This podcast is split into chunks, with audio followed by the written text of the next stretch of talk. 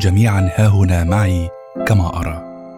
وإن هذا ليزيل تلك الوحشة الوحشة الرهيبة التي تمزقني ها هنا في هذه البقعة النائية.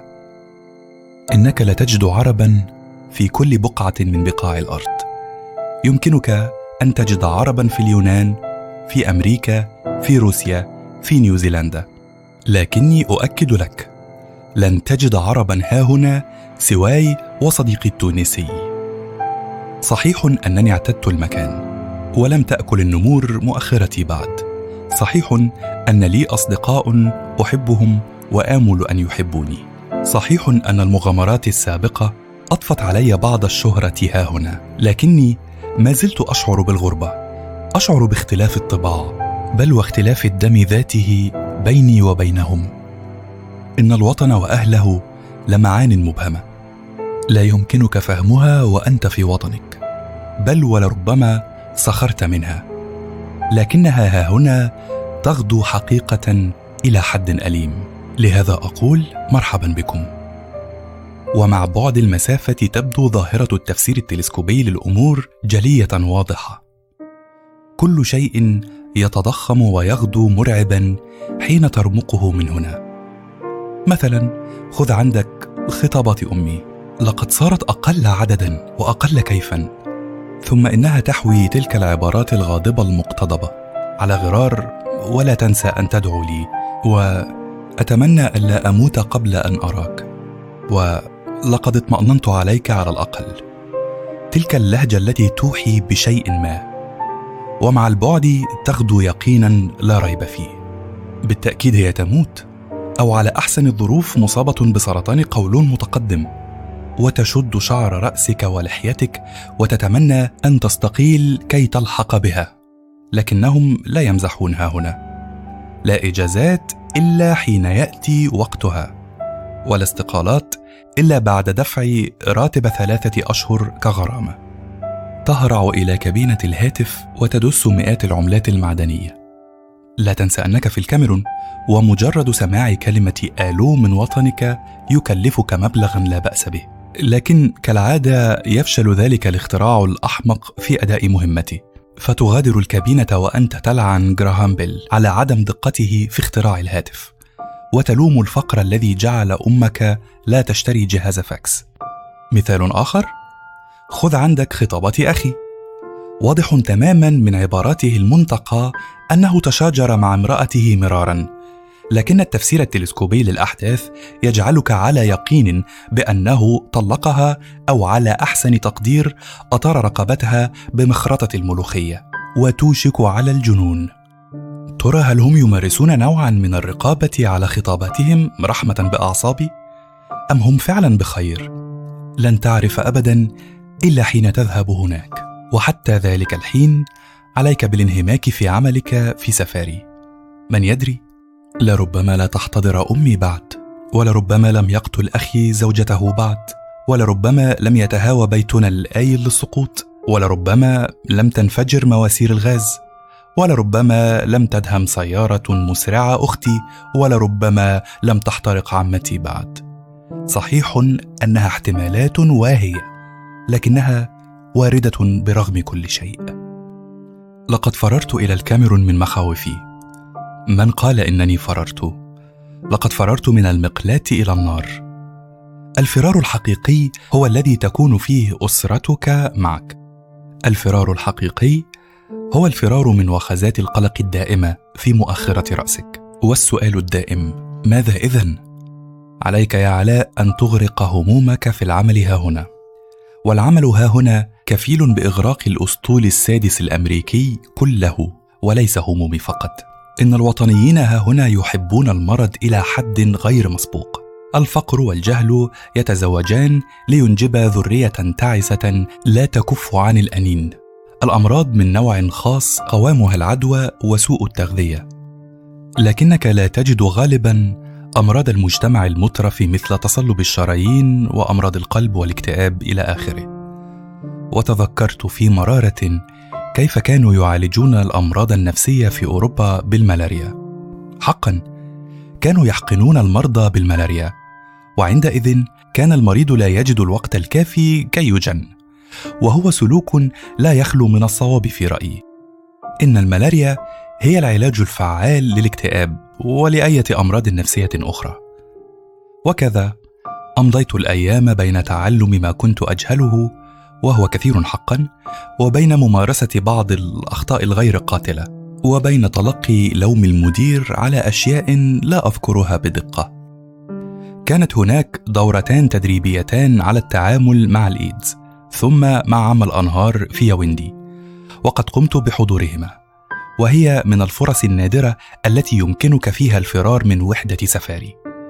الحق أن ياوندي مدينة حديثة متقدمة ذات شوارع واسعة ممهدة ومن العسير على من يراها أن يتصور أنها عاصمة هذا البلد المليء بالأدغال والوحوش والقبائل البدائية. إنها مشكلة إفريقيا كلها عدم التجانس. الثراء الفاحش والفقر المدقع جنبا إلى جنب. العلم والجهل جنبا إلى جنب. أنا لم أرى أوروبا ولا أمريكا. لكني أعتقد أنهما كالاواني المستطرقة هناك. الماء ينتقل من المستويات العليا إلى المستويات المنخفضة ولا توجد فوارق شاسعة بين الناس فيما يتعلق بالثراء أو العلم أو الرعاية الصحية. لماذا؟ وما السبب؟ ما الذي فعلوه ولم نفعله نحن؟ للأسف تحتاج الإجابة عن هذا إلى خبير في الاقتصاد والعلوم السياسية وليس طبيبا حديث السن يتحسس قدميه كي لا يقع في مستنقع الأوبئة هذا. بدأت القصة في أحد أيام الأربعاء وأنا لست ممن يتشاءمون من أيام بعينها لكن يوم الأربعاء هو غالبا اليوم الذي تبدأ فيه مصائبي فلا يشذ عن القاعدة إلا لماما. وكان هناك ذلك الاستدعاء المعروف عن طريق مكبر الصوت يدعونا إلى قاعة الاجتماعات الكبرى على وجه الأهمية. وعرفت على الفور أن هناك كارثة.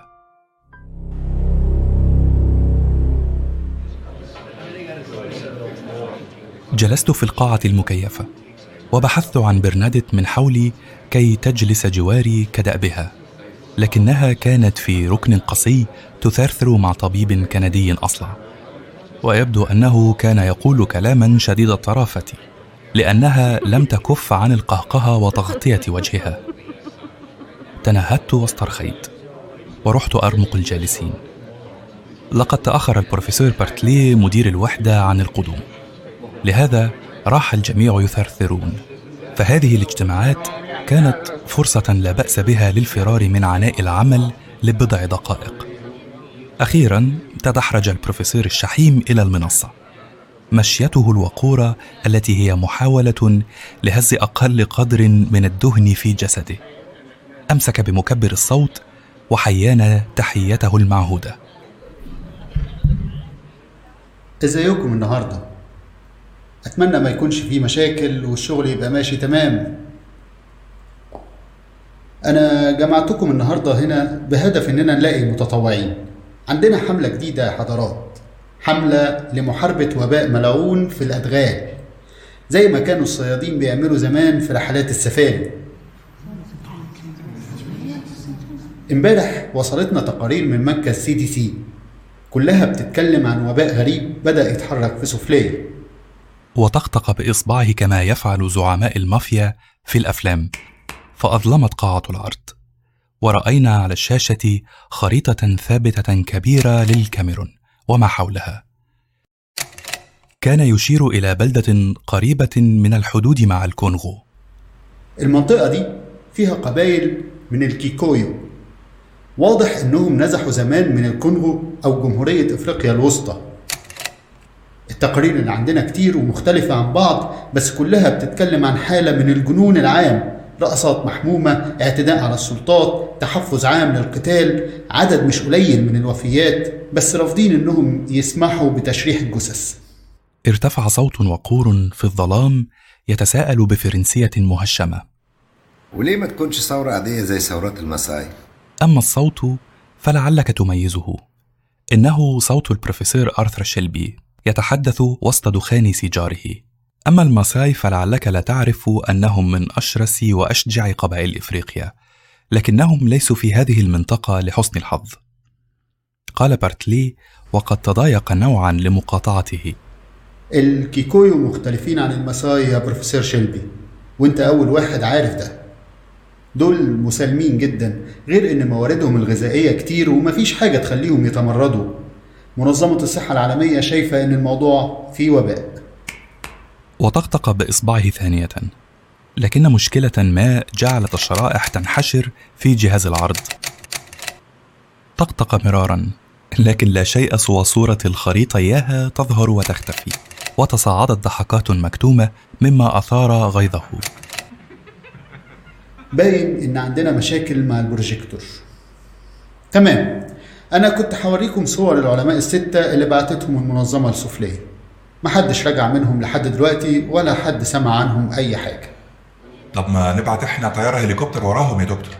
أنتم عارفين إن في منازعات على الحدود. لو بعتنا طيارة في احتمال 70% لإنها تقع. علشان كده لازم نبعت حملة تانية. ثم ثبت عينيه على الصف الأول من الجالسين وقال العبارة التي انتظرناها جميعا. ها؟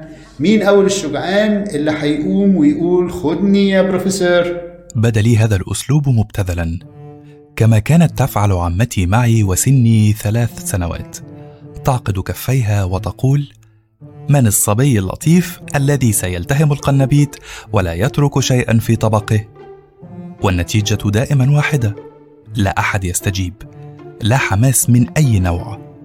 فقط رحنا نتحاشى نظراته وقد اكتشف كل منا أن له قدمين وأن في كل قدم منهما حذاء. عاد يقول في لهجة لائمة. محدش شكلي كده هيخيب ظني. هنا تطوع هانس شيفرن أستاذ علم المناعة بالكلام. نهض وقال في كياسة ما نتمنى جميعا قوله. مسيو بارتلي باين جدا إن المهمة خطيرة. في علماء مفقودين وإحنا تقريبا ما نعرفش حاجة عن الكيكويو في الكاميرون. الاحتمالات كتير وواضح إننا هنتحرك من غير حماية السلطات فما تحملش الشباب فوق طاقتهم. أضاف آرثر شيلبي مؤمنا.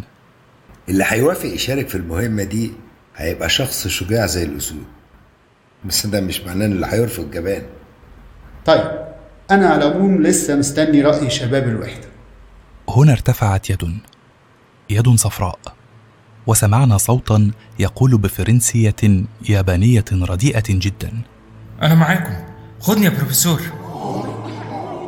نظر الجميع ليروا من هذا الأحمق لكني تعرفت الصوت فورا. إنه ساتو أوشيمو الطبيب الباطني الياباني. ويبدو أنه لم يتخلص بعد من روح الكاميكاز الانتحارية.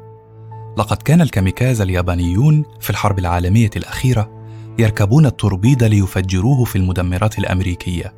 وبعد الحرب صار من بقى منهم أحياء سائقي سيارات أجرة ينسفون الزبائن عاثري الحظ. ده شيء عظيم يا دكتور أوشيمو. مين كمان؟ هنا ارتفعت يد أنثوية رقيقة وسمعت صوت برنادت الرقيق بدوره. وأنا كمان معاكم يا بروفيسور. الحمقاء. ليس هذا من حقها ولكن ليس من حقي كذلك أن أمنعها. فالحقيقة المؤسسية هي أن المرء لا يملك منع فتاة ليست أمه ولا أخته ولا خطيبته ولا زوجته ولا ابنته من عمل أي شيء. جاء دور اليد الثالثة وكانت لبسام ولم أجد الوقت الكافي لمنعه. أما اليد الرابعة فكانت لأرثر شيلبي نفسه. غريب هذا. أحيانا يبدو لي الرجل شجاعا حكيما. أهلا بيك في الفريق يا بروفيسور شيلبي. وصفق الجميع في انفعال الواقع أن الإشعاع السيكوفيزيائي قد تسرب إلى النفوس أخيرا وجعل هناك جوا من الحماس وميلا لا نهاية له للعطاء غير المحدود. لكن الشعاع لم يتسرب إلى روحي لحسن الحظ. هنا سمعت البروفيسور بارتلي يقول وعيناه تفتشان في الصفوف. في حد لسه ما اتطوعش. وكنت متخيل إنه هيكون أول المشاركين صديقنا المصري دكتور عبد العظيم. شارك معانا في كل الحملات الناجحة اللي فاتت. ونظرت لي عيون متسائلة كثيرة. رفعت يدي اليمنى وابتسمت ابتسامة دبلوماسية قائلا كان هذا هو ما سمعه القوم مني لأني لم أقل شيئا تقريبا. فقط حركت شفتي بكلمات ما لا معنى لها لكنها تحمل معنى الاعتذار. أم حقا لا أجد في نفسي رغبة للاشتراك أو شيئا من هذا القبيل. تصاعدت شهقات الدهشة وسمعت ضحكة سخرية أو ضحكتين. لكني كنت قد صممت على الرفض دون إعطاء تفسيرات. كان النصاب قد اكتمل فقال البروفيسور بارتلي تمام. الستة المتطوعين يجوا ورايا على المكتب عشان نتكلم في دورهم في المهمة دي. وغادرنا القاعة في كثير من الفوضى لكني كنت راضيا عن نفسي أيما رضا فمن الشجاعة أن تقبل حملة كهذه. لكن الأكثر شجاعة أن ترفضها. الشجاعة العظمى هي ألا تخشى أن تبدو جبانا ألا يجرفك حماس الآخرين الأهوج الذي يدفعك لتكون منهم. وكما توقعت سألني بسام على الباب. غريبة إنك ما تطوعتش. كنت متخيلك تحب الحاجات هذه. هززت كتفي وأنا أتراجع لأسمح لطبيب ضخم الجثة بالمرور. آه بحبها بس أنا جيت هنا علشان أتعلم وأحسن دخلي مش علشان أموت. أنا دكتور ومش شغلتي أجري في الأدغال والتماسيح تجري ورايا أو أهرب من قراصنة حرب بيولوجية. ابتسم من وراء شاربه الكث وعاد يسألني. تتصور فعلا اللي هي رحلة من غير رجعة؟ هعرف منين. بس أكيد هي رحلة مرهقة وكئيبة. وتفرق الجميع. واتجه كل إلى عمله الذي كان يزاوله قبل الاجتماع. فعدت أنا إلى عيادة الأمراض الباطنية مع دكتور دوالا لوبولو وهو من الأطباء الأفارقة المعدودين هنا كما تعلم. تبا. لو أنهم يدفعون لي قرشا عن كل حالة ملاريا أراها هنا؟ لصرت مليونيرا منذ عام. والملاريا هنا تأخذ كل الصور المريعة التي كنا نطالعها في كتب الطب. ملاريا مخية حمى الماء الأسود ملاريا خبيثة حمى الصفراء المتقطعة إلى آخره. لكن الملاريا هنا لحسن الحظ تستجيب لعقار الكلوروكين وهي ظاهرة نادرة. بعدما تعلمت الملاريا مقاومة هذا العقار في كل أرجاء الأرض ما عدا غرب إفريقيا. والحقيقة المريعة هي أن الملاريا تتحول يوما بعد يوم إلى مرض بلا علاج. ويواصل العلم ركده وتواصل الملاريا ركدها في سباق محموم. وكلما ابتكر العلماء مصيدة فئران أفضل جاء إلى الوجود فأر أكثر ذكاء بما لا يقاس. جلست جوار دكتور دوألا أراقبه وهو يفحص المرضى ويصدر تعليماته إلى الممرضة بأخذ عينات الدم بينما أقوم أنا بوضعها على شرائح. سألني دون أن ينظر لي. ما رحتش ليه وراهم؟ أنا بصراحة زهقت من دور طرزان. أمي ما بعتتنيش هنا علشان كده. أنت ذكي. ليه؟ الدكتور اللي يرفض زيارة الكيكويو وهم في الحالة دي يبقى أكيد دكتور ذكي. تفحصت الشريحة التي قمت بصبغها تحت عدسة المجهر. كنت قد تعلمت أخيرا أن أنظر بعينين مفتوحتين فالنظر بعين واحدة يرهق العينين إلى حد مروع ابتلعت ريقي وسألته هم مين الكيكويو دول؟ أقصد يعني عاداتهم إيه؟ هم مسالمين دايما بس آه، إيجابي؟ قلتها مقاطعا فنظر متسائلا وسرعان ما فهم أنني أتكلم عن الشريحة التي أفحصها فعاد يقول في شيء من العتاب لما يثوروا الكيكويو يبقى الموضوع يقلق فعلا.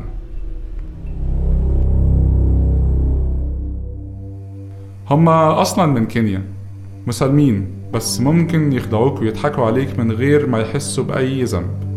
وثنيين بيؤمنوا جدا بالسحر قليل قوي لما تلاقي صور ليهم لأنهم زي كل البدائيين بيؤمنوا إن الكاميرا هتسرق أرواحهم. دايما عاملين صداع للحكومة. بسبب عاداتهم في الزراعة. عشان يزرعوا شوية بطاطس وذرة بيحرقوا غابة بحالها. ده تسبب في تدهور الغابات في أي مكان يكونوا فيه. عموما هما بيحلوا أي مشاكل ليهم بينهم وبين بعض ومش بيثقوا في الحكومة خالص. كل اللي بتقوله يمشي مع كل القبائل البدائيين. مش شايف حاجة تقلق في الكلام ده. انت مثلا ما قلتش إنهم أكلت لحوم بشر زي الكيجاني أو محاربين زي الماساي والزولو. ده اللي يخوف. لما قبيلة مسالمة فجأة تبقى عنيفة وقتالية توقع أي حاجة وباء جديد ولا زرع بسبب الهلاوس؟ وده اللي هيعرفه الشجعان دول. ده لو ما ماتوش قبلها طبعا. نعم فالحقيقة أن هناك عادة بذيئة لدى حملات الاستكشاف هذه هي أنها لا تعود كأنما هذا واجب مقدس لا بد من القيام به. وكان ليفينغستون هو مبدع هذه العادة ومن يومها كفت الحملات عن العودة. لا بد من مختفين ولا بد من رجل أبيض مجروح يظهر في إحدى قرى السود يقول شيئا ما لا يفهمه أحد ثم يموت. ورحت أواصل فحص عينات الدم.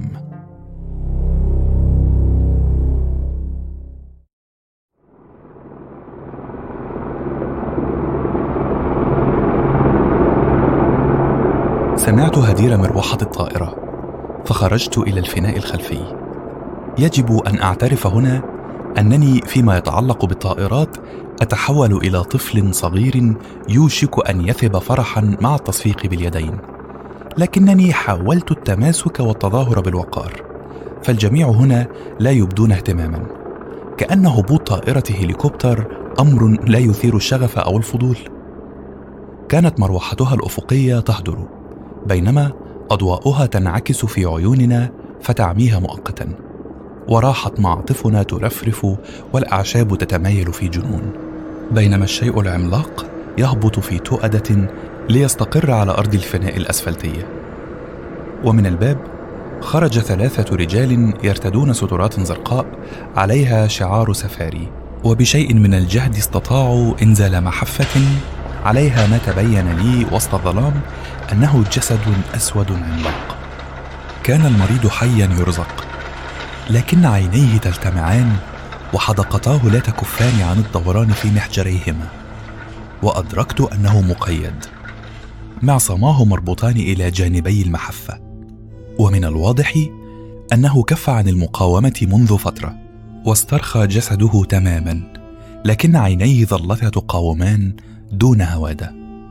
دنوت من بودرجا الممرض الذي كان يرمق المشهد في لا مبالاة وسألته. إيه ده؟ إيه الحكاية؟ ده واحد من الكيكويو. وده سبب إنهم يربطوه زي الذبيحه كده؟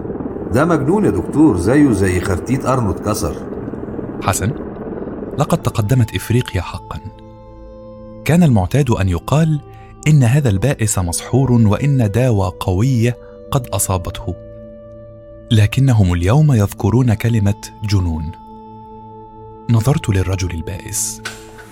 حقا هاتان عينا مجنون.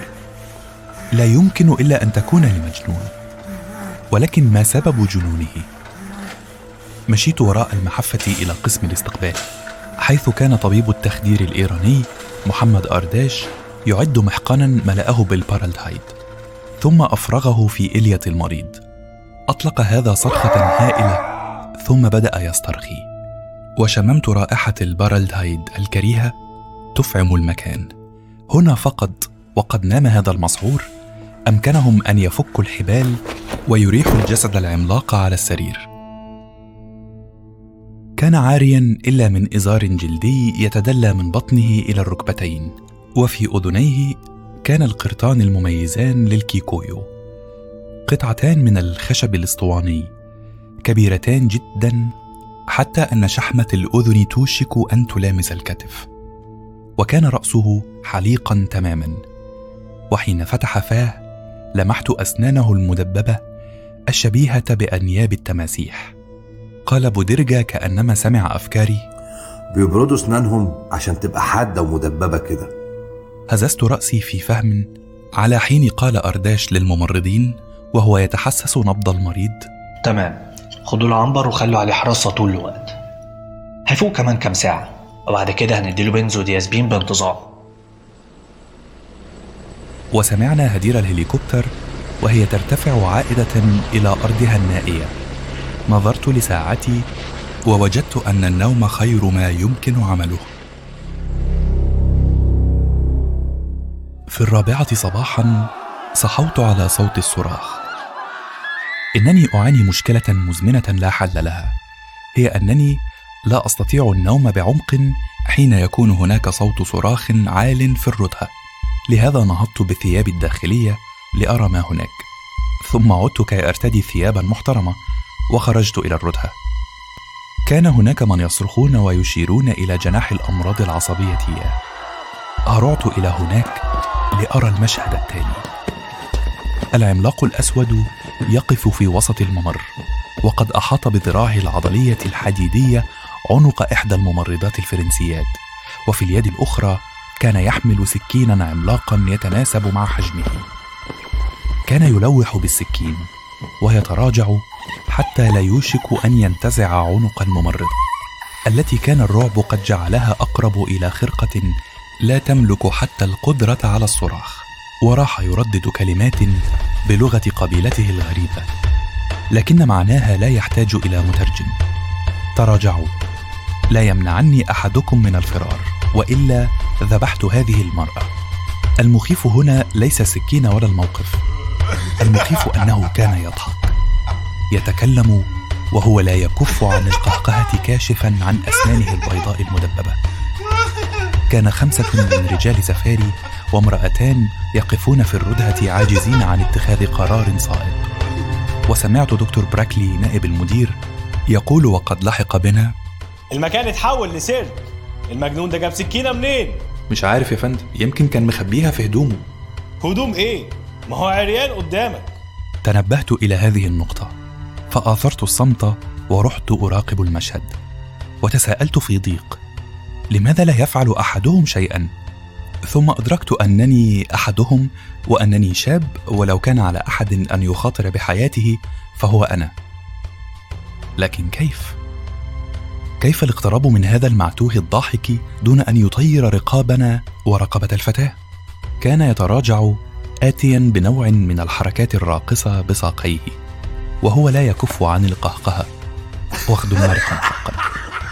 وخد مرح لكنه لا يعرف أن حارس الأمن الكاميروني ليوبولد يدنو منه من الخلف. ولو عرف لصار أقل مرحا بالتأكيد. وتم كل شيء بكفاءة غير عادية. ألصق ليوبولد فوهة مسدسه بمؤخرة رأس العملاق وضغط الزناد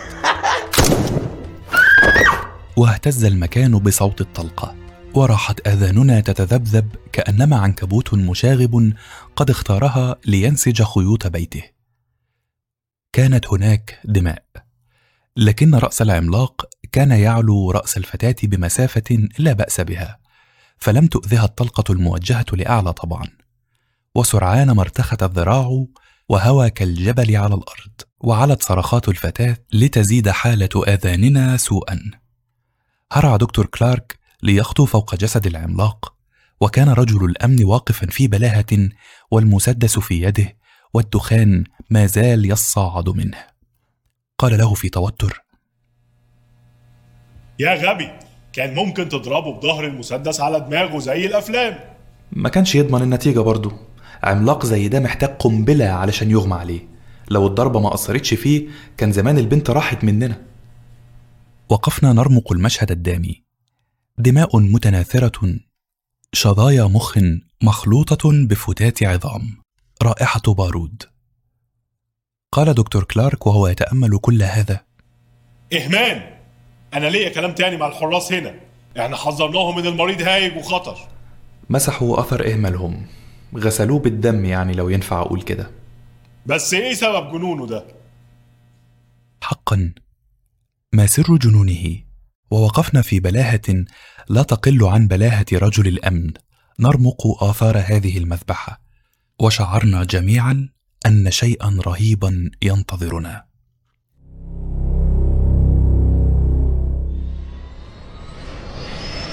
راحت محركات الهليكوبتر تهدر.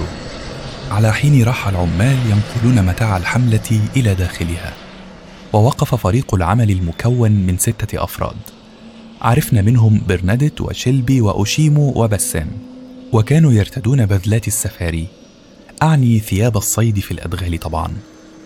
كانوا متحمسين وقد احمرت وجناتهم انفعالا. وبدا عليهم أنهم يعتبرون أنفسهم شهداء الحقيقة. دنا بروفيسور بارتلي منهم وقد فتح معطفه مبرزا كرشه العملاق الذي يتقدمه دوما في سبل الحياة. وراح يتأكد من أنهم يعرفون حقا ما ينبغي القيام به ولم ينس أن يعهد بالقيادة لأرثر شيلبي أكبرهم سنا وأكثرهم علما.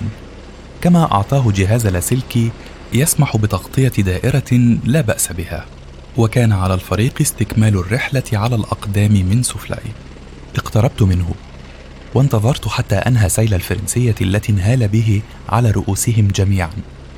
ثم قلت له في أدب يا فندم تقرير تشريح الراجل اللي من الكيكويو لسه ما طلعش. التشريح مش هيضيف جديد. لو كان الموضوع تسمم بسبب نبات محلي ما أو عدوى فيروسية فلازم برضه نروح علشان نجمع عينات وتواريخ ونتكلم مع أهل الحالات هناك. الحرب آه اتقدمت كتير بس المشاة هم اللي بيحتلوا المواقع ويوصلوا الإمدادات. هززت رأسي مطريا حكمته. ثم اتجهت إلى بسام وتبادلنا نظرة قالت الكثير. عد سالما يا بسام فأنت الوحيد هنا الذي يجري دمه في عروقي. ثم نظرت إلى برنادت وابتسمت مشجعا فكورت أنفها بأسلوب التشنيكة المعهودة لديها. مرة أخرى كان هذا أبلغ من أي كلمات تقال.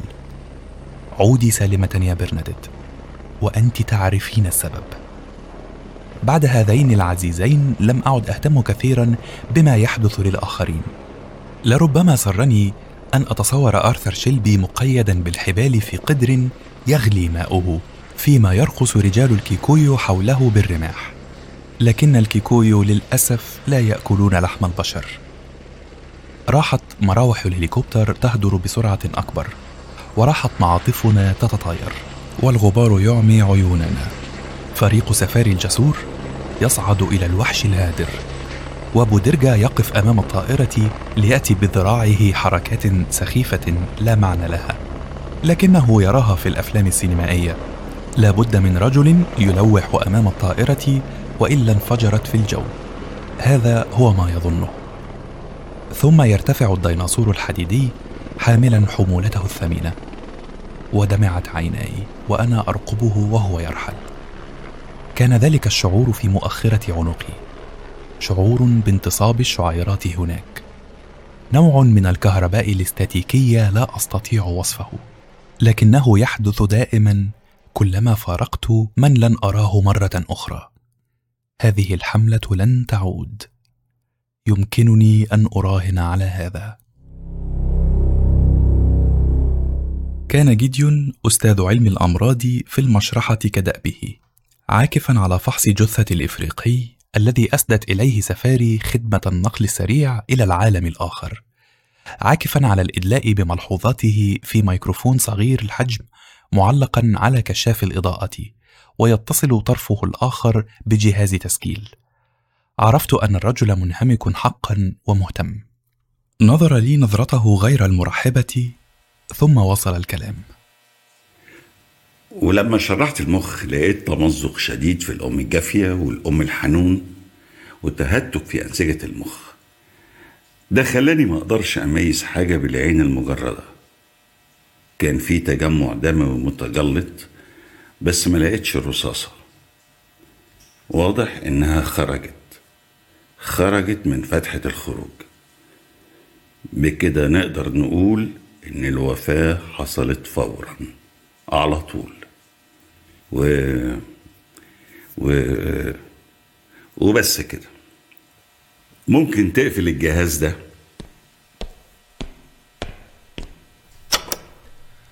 ليه بتشرحوا الراجل ده هنا؟ لأن مفيش ولا طبيب شرعي واحد في أنجوانديري ده غير إن عامل الأمن الغبي ما سابش كتير يتشرح. كنت ناوي أفحص المخ بدقة بس الرصاصة ما سابتش نسيج سليم. عموما قدرت أنقذ كام عينة أبص عليها بالميكروسكوب. والتحليل الكيميائي؟ ما وصلش لسه. بس المعدة ما كانش فيها أي نباتات مريبة لو ده اللي بتدور عليه. أفتكر إن الموضوع ما فيهوش مخدرات. تفتكر فيه جنون وبائي التسمم سبب معقول. العلماء دوروا كتير على سبب جنون قياصرة الرومان نيرون كاليجولا إلى آخره. وبعدين اكتشفوا في تحليل الأنسجة والعظم إن عندهم نسبة مهولة من الرصاص في الدم.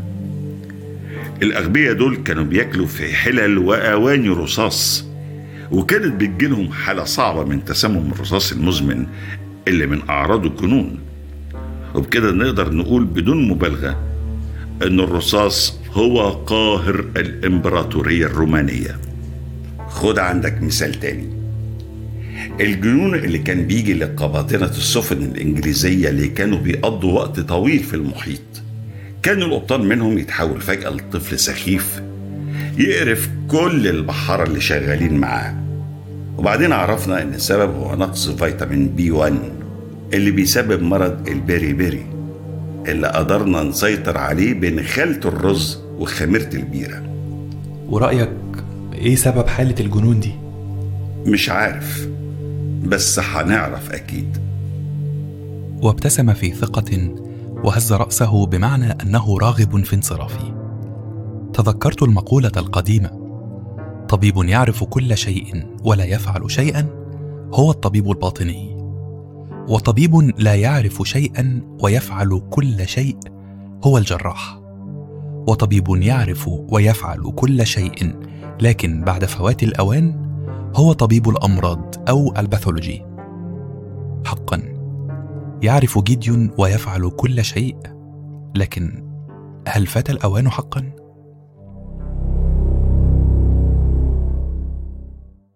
مر يومان وأنا اتحرق شوقا لمعرفة مصير الحملة. كان من غير المعقول أن اقرع باب المدير لأسأله عن الأخبار فعلاقتي به لم تصل لهذا الحد قط. ثم إنني رفضت الاشتراك في الحملة منذ اللحظة الأولى. سيكون غريبا أن أبدي حماستي الآن. على أنني قابلته في أثناء مروري في عنبر حالات الغيبوبة وسببها هنا بالإضافة إلى أسباب العالم المتحضر يكاد أن ينحصر في مرض النوم والالتهاب المخي والملاريا المخية. كان يتفقد سير العمل وخلفه يمشي دكتور براكلي حاملا قلما وبلوك نوت صغير يدون فيه ملاحظات المدير. وهذه الملاحظات سوف تطبق بدقة وأمانة وليست على سبيل التملق أو النفاق. فما أن رآني حتى هز رأسه محييا. صاحبنا المصري أهو بتعمل إيه هنا؟ فلو لم يكن المدير لرددت عليه ردا لاذعا على غرار ليس لجمع عسل النحل بالتأكيد أو أفعل ما يفعله الطبيب وسط حالات الغيبوبة. لكني ابتلعت لساني وقلت في أدب أنا مسؤول عن العنبر ده النهارده. وللمرة المليون سألني السؤال الذي لن يتذكر إجابته ابدا. أنت تخصصك إيه؟ أنا ما تخصصتش لسه بس عايز أتخصص جراحة. أم في أخبار عن حملتنا في سفلا يا دكتور؟ هز رأسه في مرح وانحنى يتفقد جهاز التنفس المثبت في حنجرة مريض يعاني غيبوبة سكر طويلة. تمام بخير بخير. شلبي بيكلمني دايما وبيقول إن الناس طيبين ودودين. وإن العينات هتوصلنا في خلال يومين. آه، فين الممرضة؟ الشاب ده عنده قروح فراش أكيد سايباه مش بتغير له وضعه. هرعت الممرضة الممتقعه لتفسر أو تقدم أعذارا. أما أنا فشعرت برضا لا حد له فالحملة ما زالت بخير. ربما كان من الممكن أن يظلوا أحياء برغم كل شيء. في الثامنة مساء سمعت الطرقات على باب حجرتي. لقد اعتدت هذه الطرقات في أول المساء وصرت أعرف معناها بسهولة تامة. المدير يريدني والسبب كارثة طبعا. وارتديت معطفي واتجهت متوجسا إلى مكتبه. مشكلة هذا الرجل أنه يجدني بسهولة تامة. هذا المساء أنا لست نبطجيا ولست مكلفا بأي شيء. وكان حلمي أن أقضي الوقت في الفراش. أطالع رواية بوليسية سخيفة أو أكتب خطابا لأشرف صديقي في مصر أفسر له سبب عدم كتابتي أي خطاب له. لكن ها أنا ذا أدخل إلى مكتب المدير لأجده جالسا وأمامه جيديون أستاذ علم الأمراض إياه. والإضاءة العلوية تنذر بكارثة. كان هذا الأخير يحمل صورا فوتوغرافية. صورا تم التقاطها من تحت المجهر وكانت تمثل الشرائح التي أعدها من مخ عملاق الكيكويو إياه.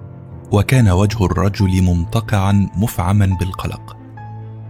وبعد لحظات من الحوار عرفت خطورة الموقف بحق. لقد كانت الشعيرات في مؤخرة عنقي صادقة كالعادة. إن حملتنا لن تعود.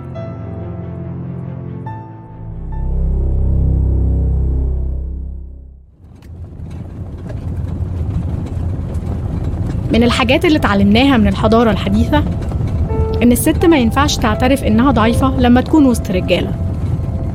كانت رحلة صعبة جدا عشان نوصل لسوفلاي بعد ما الطيارة الهليكوبتر نزلت ركبنا عربية لاند روفر توصلنا للكيكويو الطريق كان صعب قوي. واضح كده إنهم ما كانوش عارفين إننا جايين وبالتالي ما رصفوش الطريق. كنت بقعد أرغي مع بسام. شخص لطيف ومتحمس لكل حاجة. التانيين كانوا بيراقبوا كل حاجة بملل بس. بالنسبة لهم الموضوع كان مهمة روتينية قاموا بيها كتير. كان معانا أوشيمو الياباني وشيلبي الأمريكي جابرييل الكاميروني وهسلر الألماني. منظمة دولية صغيرة. رايحة تعرف إيه اللي حصل للكيكويو جابرييل طبيب الأعصاب كان دوره الترجمة وشرح الحاجات اللي ممكن ما نفهمهاش إحنا من عادات القبائل دي. أما الحماية فكانت دور ليوبولد. اللي ادوله بندقية ومسدس. طبعا إحنا عارفين إن لو حصلت مشاكل البندقية والمسدس مش هيكون ليهم أي قيمة.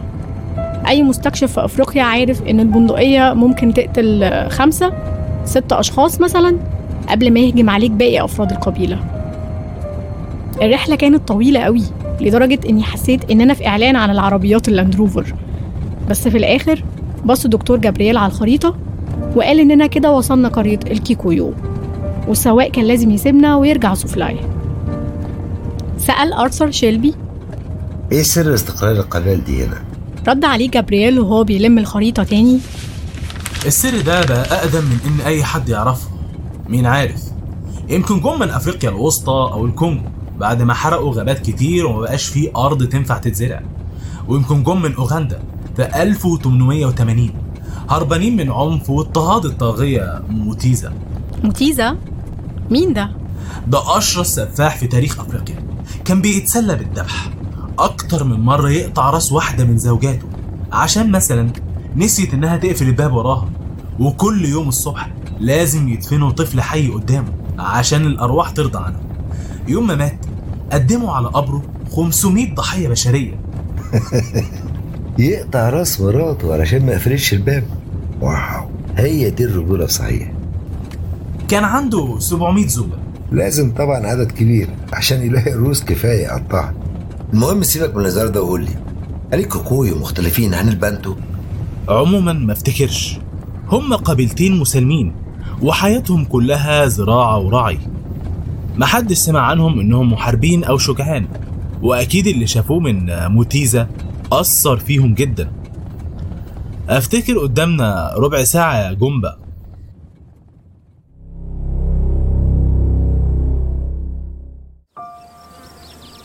كان في مجموعة من أهل القبيلة خارجين من أكواخهم عشان يستقبلونا. أخدت بالي من حاجة بقت نادرة دلوقتي في القبائل البدائية. الناس دي عريانة تماما مش لابسين أي حاجة غير حزام من الجلد حوالين وسطهم. الحاجة التانية إن مفيش ست مش شايلة حاجة على ظهرها. حمولة حطب عملاقة أو طفل صغير في كيس جلد متوصل بسير حوالين راسها أو حمولة أكل. ودانهم فيها حلقان أسطوانية كبيرة زي اللي كانت في ودن محارب الكيكويو اللي وصل سفاري. الحاجة التالتة هي أسنانهم اللي بيبردوها علشان تبقى حادة لمعة زي أسنان الأسود.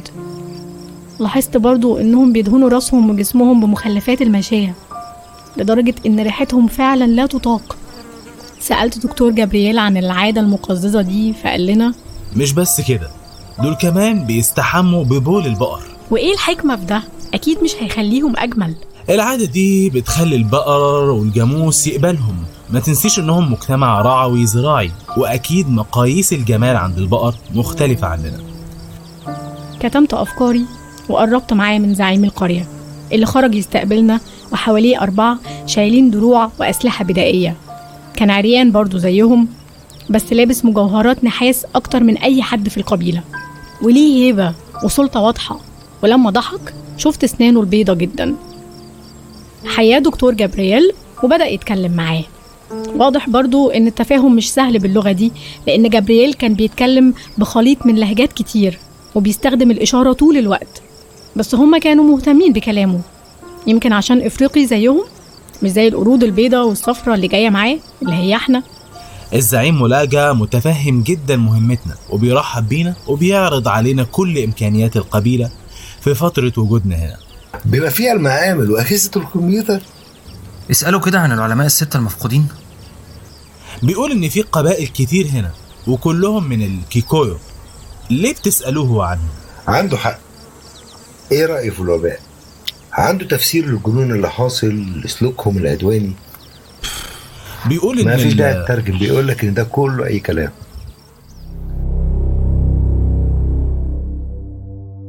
شيلبي فعلا كان بيعرف ينظم الأمور. اختار لنا المكان اللي هنقعد فيه. كوخ معمول من ألياف الشجر المجدولة باهتمام شديد بس كان قذر جدا عشان الناس دي بيعيشوا مع الماشية بتاعتهم في نفس المكان بس قدرنا ننضفه كويس. بعد شوية جم ستات القبيلة جايبين لنا أكل. طبعا ما كنتش مهتمة قوي أعرف الأصناف اللي بيقدموها لنا لأننا معانا المعلبات بتاعتنا بس بدافع الفضول بصيت على الأكل. عجينة ملزقة ريحتها كأنها متخمرة. عرفت إنها من جذور التابيوكا حاجة شبه البطاطس كده. ومعاها ذرة. وإحنا بنشرب الشاي بعد الأكل سألت شيلبي. إيه خطتنا هنا؟ هنقضي كام يوم نستنى حد يتجنن منهم؟ ولا نرجع سفاري ونقول لهم إن الأخبار مبالغ فيها؟ الأول نرتاح شوية.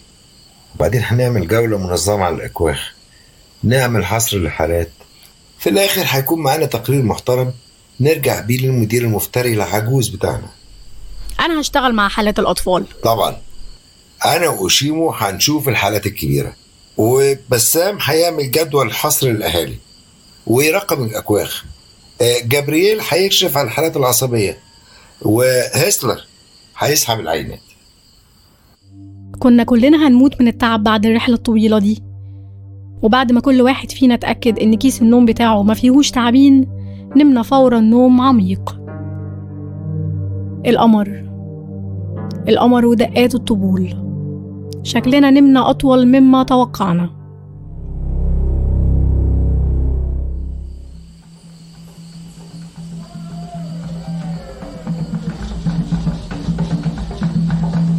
لما خرجنا من الكوخ كان المشهد رائع.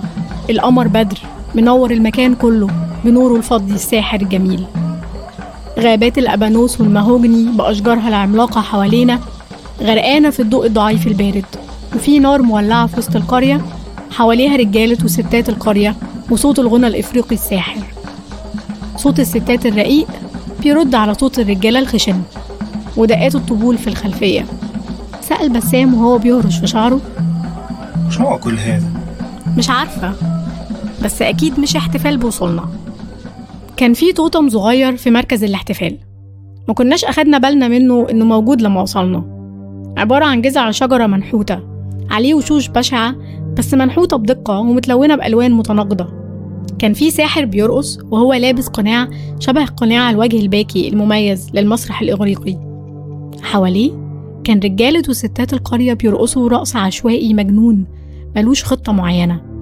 سكان غرب أفريقيا فعلا بيبدأوا يرقصوا قبل ما يعرفوا إن في مزيكا. لما حسوا إننا واقفين بنتفرج زاد حماسهم في الرقص أكتر.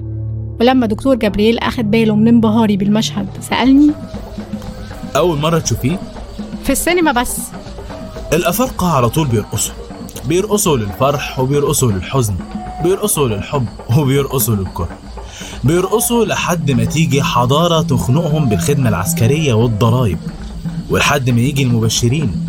يقولوا لهم إن الرقص حرام من عمل الشيطان ولحد ما يحرر الحاكم الرقص ويعتبروه شيء مزعج.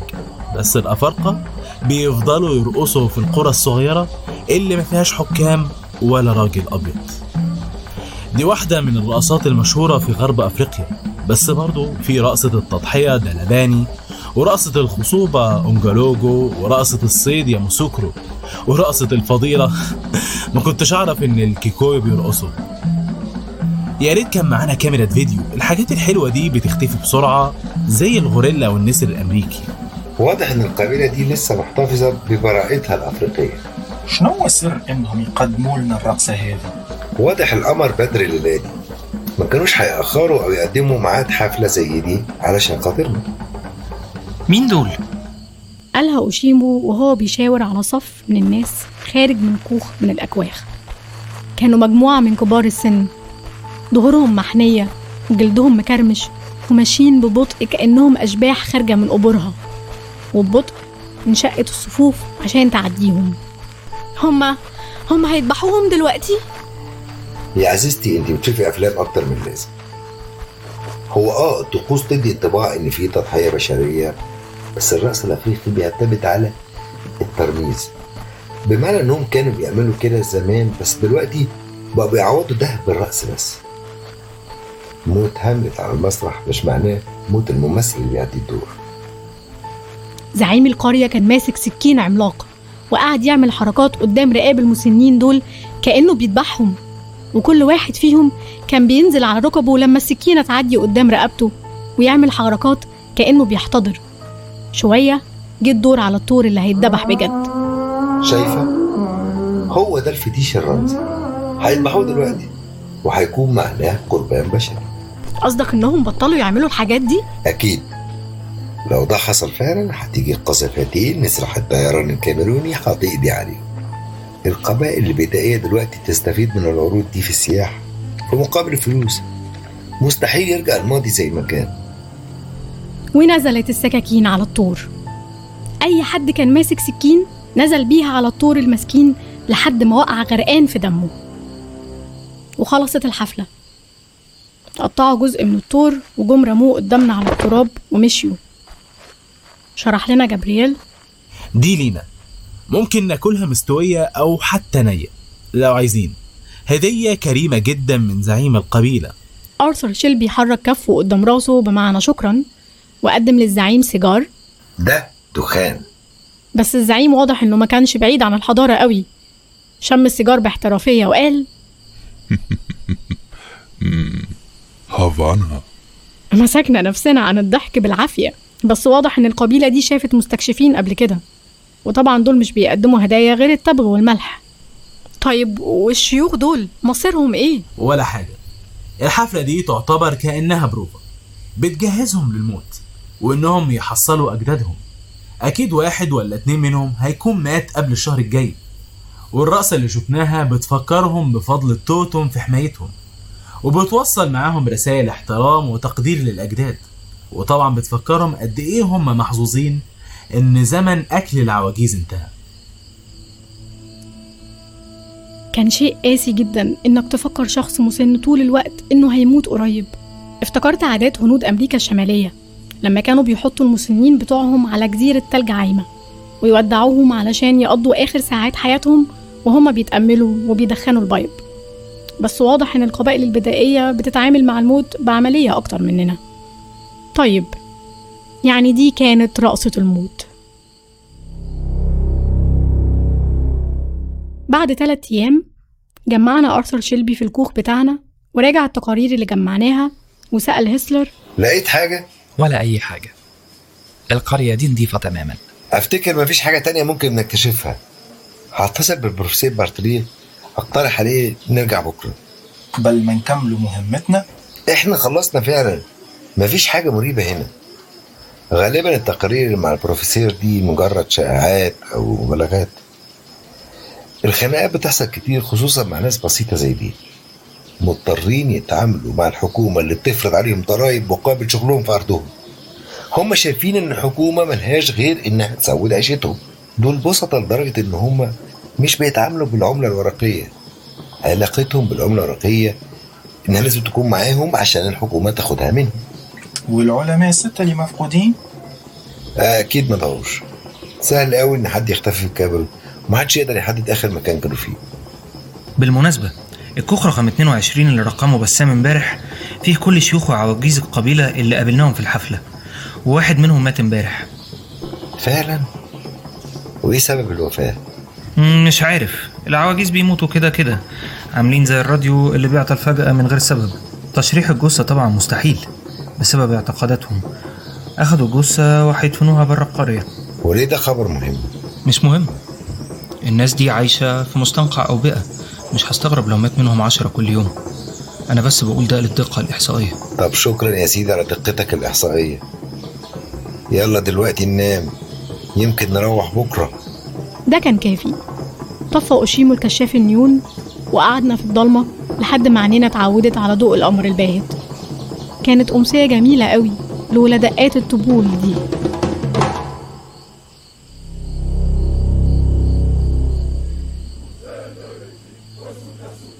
شيلبي واقف بيتفرج على المشهد الرهيب في صمت. بعدين شاور لي علشان أقرب وقال لي من غير ما يغير اتجاه نظره. أنا شايف اللي بيحصل ده أكبر من كونه قضاء وقدر. عندك حق بس هنتأكد إزاي؟ مش عارف يا دكتور شيلبي.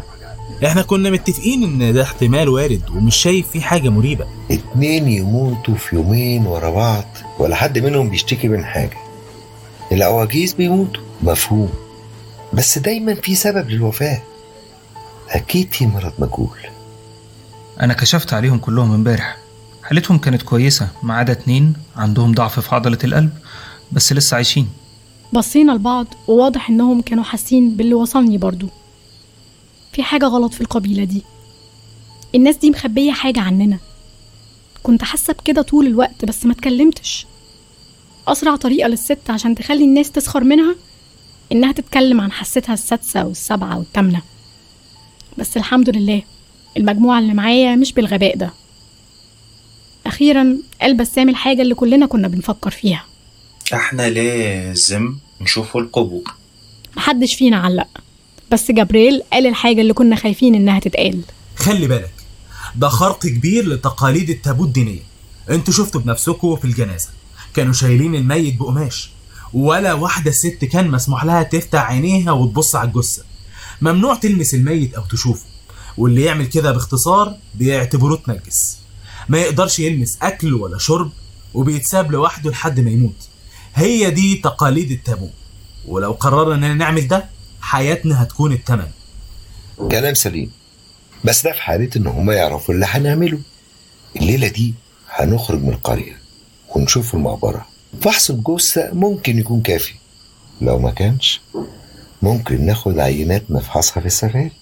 مش هكلم البروفيسور غير بعد ما نرجع من رحلتنا النهاردة بالليل. وقعدنا نخطط عملية التسلل دي. كل خطة ليها صعوباتها. بس خطتنا مش هتكون صعوباتها الدوائر التلفزيونية وكاميرات المراقبة ولا الخلايا الكهروضوئية ولا هيكون فيها كلاب مدربة. مشكلتنا هتكون السنون والرماح والمشاعل والناس اللي ودانها متدربة إنها تسمع نطة البرغوث فوق المخدة. خرجنا بالليل نبص على الأكواخ. الناس ودودة فعلا. بصراحة بحس إنهم ودودين أكتر من اللازم. بين كل كوخ والتاني كان واحد فينا بيتسحب في الضلمة ويعدي السور المحيط بالقرية. بعد شوية قدرت أنا كمان أعدي. ما كانش فيه حراس والموضوع كان أسهل مما توقعت. شيلبي وجابرييل وهسلر هيفضلوا عشان يغطوا اختفائنا ومحدش يشك فينا. دلوقتي كان لازم أحاول ألاقي التانيين في الضلمة دي.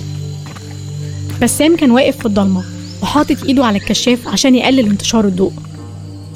برناديت من هنا جريت ناحيتهم. كان بسام وأوشيمو والحارس ليوبولد واقف ومعاه مسدسه. ها هنبدأ فين؟ بالاستبعاد. لا قريب من النهر ولا قريب من غابة المهوجني. هما بيدفنوا موتاهم في مكان فاضي وبيدفنوهم قاعدين في مكان مرتفع عن الأرض بعيد عن الضباع. سمعت الصوت تحت رجلي فقلت عادي أنا أكيد دوست على حاجة إزاز. إزاز؟ غريب جدا إحنا في الغابة. هيجي إزاز منين هنا؟ هات كشافك يا بسام. لقيتي ثعبان؟ شلت الشيء المكسور من على الأرض بصينا له وإحنا مش فاهمين. سمعت صوت أوشيمو في حد ضيع نضارته يمكن هسلر لا طبعا.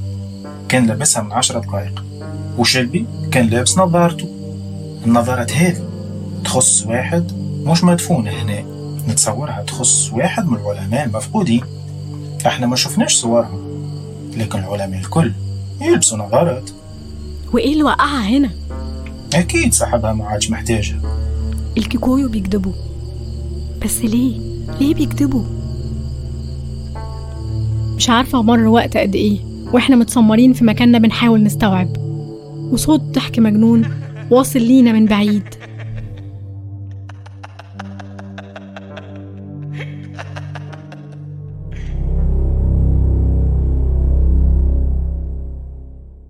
فرغ جيديون من عرض صوره علينا وتفسيرها فما أن انتهى حتى نهضت صارخا. شفت يا بروفيسور؟ كان لازم نأجل الحملة لحد ما نشوف تقارير ال pathology. بس انت ما سمعتليش وفضلت تتكلم عن العساكر والصفوف الأولى.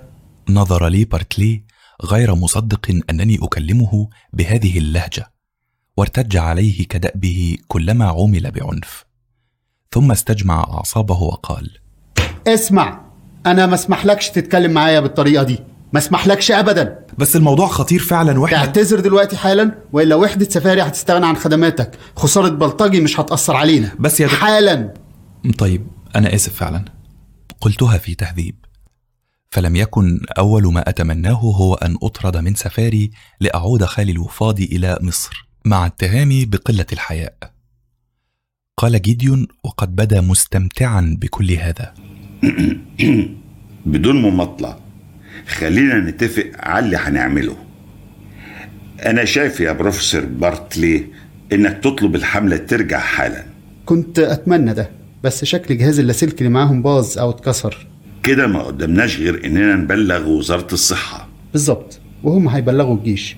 مفيش حل تاني.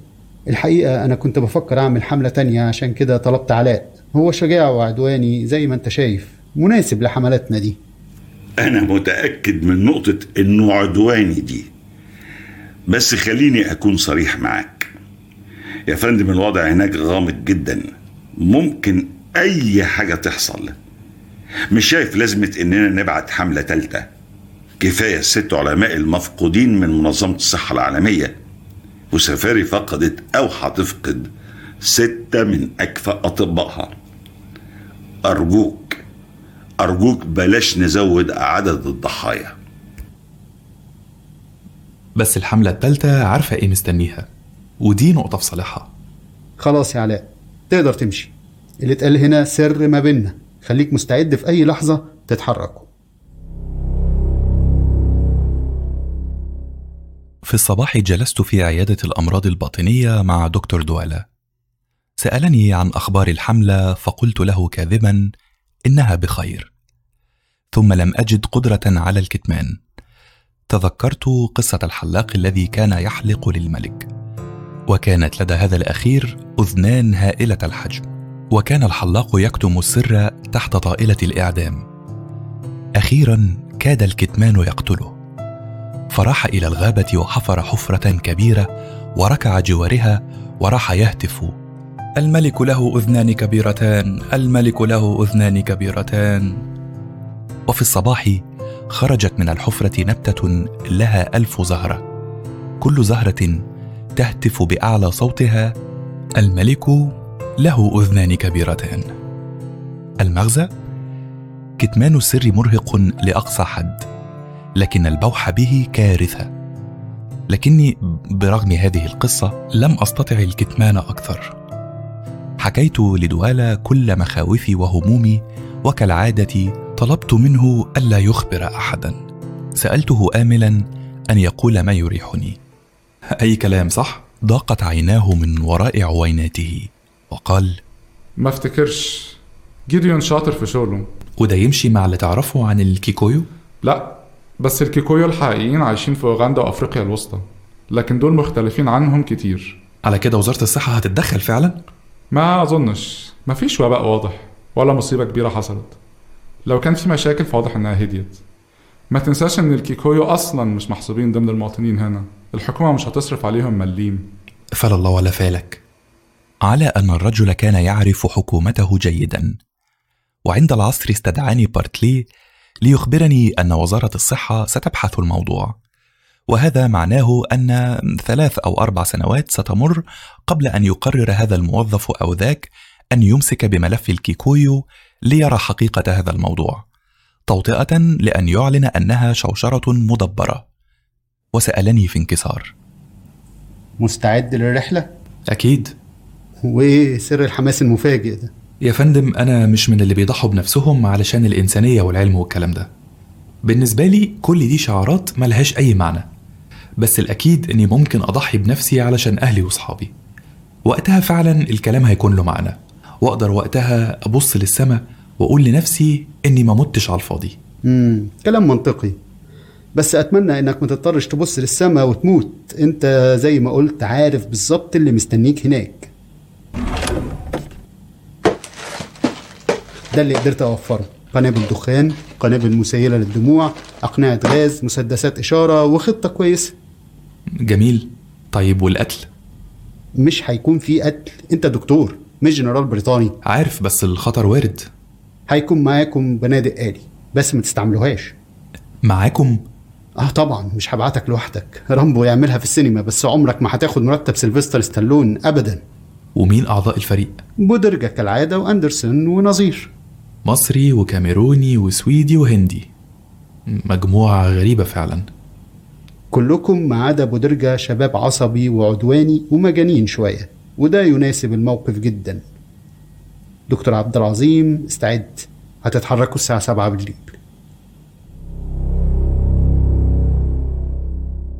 وفي المساء وقفنا في ضوء الكشافات يرمق بعضنا البعض. كنت مرتاحا لبودرجة رفيقي الدائم التعس في المصائب لكني لم أكن أعرف الاثنين الآخرين جيدا. وبدا لي أندرسون ثقيل الظل نوعا لكننا لسنا ذاهبين إلى الملاهي بطبيعة الحال وكان يعمل خبير أوبئة في الصحة العالمية قبل أن يلتحق بسفاري. ورفعت رأسي لأعلى لأرى عشرات الوجوه ترمقنا في فضول من النوافذ والشرفات. لقد خرج كل عامل سفاري لرؤية هذه اللحظة النادرة. أربعة رجال يذهبون إلى الجحيم. خفضت عيني كي لا أرى هؤلاء الحمقى وسألت بودرجا كله تمام؟ أخدت كل حاجة؟ كله تمام يا دكتور. كنت أتمنى تاخدوا حد غيري معاكم. كأن مفيش غيري في المستشفى دي. إحنا بنعتمد عليك علشان خبرتك باللغات وعادات الأهالي. اللي أنا أعرفه عن الكيكويو ما يزيدش عن الكيكويو يعرفوه عن باريس. بصراحة كده أنا مش عاوز أروح معاكم المرة دي. ولكن الأوان قد فات. فقد راحت مروحة الهليكوبتر تدور وتدور معلنة أن أوان الرحيل قد جاء. ترى كيف رآنا أولئك الواقفون؟ ونحن نتلاشى في الظلام وسط الهدير والغبار والأضواء المتقطعة. طائر الموت يحمل فرائسه إلى الجحيم.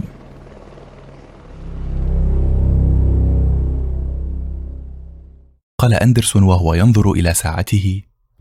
يا جنبا قدامنا ربع ساعة ونوصل أول قرية. قلت له وأنا أصدم رأسي بالسقف كعادتي منذ ركبنا السيارة. أي! عايزين نروح نفس القرية اللي راحها الفريق. ما قلتليش ده قبل كده يا دكتور. معنى كده هنضطر نلف حوالين الغابة والمشوار هيزيد ساعتين كمان. قرى الكيكويو كتير وانت محددتش. عاوزين تروحوا أي واحدة فيهم. خلاص خلاص. نبدأ بدي وتجيلنا تاني بعد بكرة.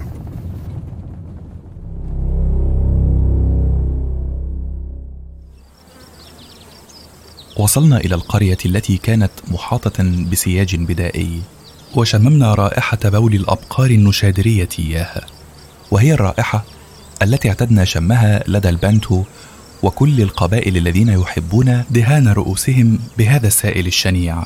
ولمحت نساء الكيكويو صلع الرؤوس بأحملهن المميزة على ظهورهن والأقراط العملاقة إياها التي تجعل شحمتي الأذنين تصلان إلى أعلى الكتفين. واتجهنا إلى الزعيم وسط حشد من الفضوليين إياهم. كان أصلع الرأس يرتدي حليا أكثر من اللازم وكان مهيبا كما للزعماء أن يكونوا لكنه يضحك في مودة كاشفا عن أسنان بيضاء قال بودرجا بعد محادثة مختصرة مع الرجل أفتكر إنه بيرحب بينا وبيقول إنه خدمات القبيلة كلها تحت أمرنا. سأله نظير وهو ينزل حقيبة ظهره الثقيلة. اسأله عن الحملة اللي جت قبلنا. يعرف عنها حاجة؟ بيقول إن في قبائل كتير هنا وكلهم من الكيكويو ليه بتسألوه هو بالذات عنهم؟ ويعرف حاجة عن الوباء؟ هنا أجاب الرجل إجابة بليغة جدا.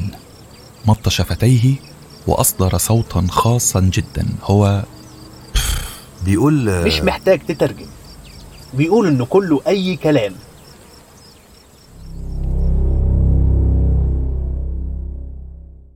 وفي كوخنا الذي اخترناه للسكنى كان علينا أن نزيل كل روث الماشية وفضلات الدجاج و و و قال أندرسون وهو ينزع حذائيه الثقيلين. الناس دي عندها عادات غريبة مخلفات الماشية في كل حتة حتى على بيبان الأكواخ. سألته في دهشة من لم يلحظ هذا. فعلا؟ أيوة. ما شفتش باب الكوخ؟ حاطين القاذورات دي جنبه أكنهم فخورين بيها قوي. الثقافات فعلا بتختلف. الغريب إن أغلبهم اسمه ملجا إيه لازمة الأسامي بقى؟ بيفكروني بقرى في ماليزيا. بيقولوا لو رميت طوبة من فوق جبل بنسبة 90% هتقع على راس واحد اسمه محمد طوار. طيب طيب. دلوقتي مين هيبقى مسؤول عن مجموعتنا؟ طبعا دكتور عبد العظيم. هو أكتر واحد فينا عنده فكرة عن الموضوع وأظن إنه يعرف أكتر ما بيقول ودي نقطة خطر جدا. إحنا كلنا في مركب واحدة والأحسن لينا نبقى عارفين كل حاجة عن العواصف اللي هتقابلنا. صدقوني أنا معرفش غير اللي تعرفوه. بس طبعا موافق إن يكون قائد للمجموعة. وإن ما كانش فأنا برشح دكتور أندرسون. بالطبع لم أعلن سبب ترشيحي لأندرسون. فالأشخاص الذين لا يبالون بأن يكونوا ثقيلي الظل ولا يبالون بارتياح الآخرين لهم هؤلاء الأشخاص يكونون دائما قادة ممتازين خاصة إذا كانوا أكفاء مثل أندرسون. أنا مش عاوز الشرف العظيم ده. ها إيه الخطة بقى؟ هذا معناه أنني القائد. لذا قلت في برود مماثل هنكشف على مرضى القبيلة كلهم ونراقب تصرفاتهم وعاداتهم كويس. غالبا مش هنلاقي حاجة لأن دي أصلا مش القرية اللي زارها زمايلنا بس بكرة هنروح القرية اللي فيها الخطر الحقيقي.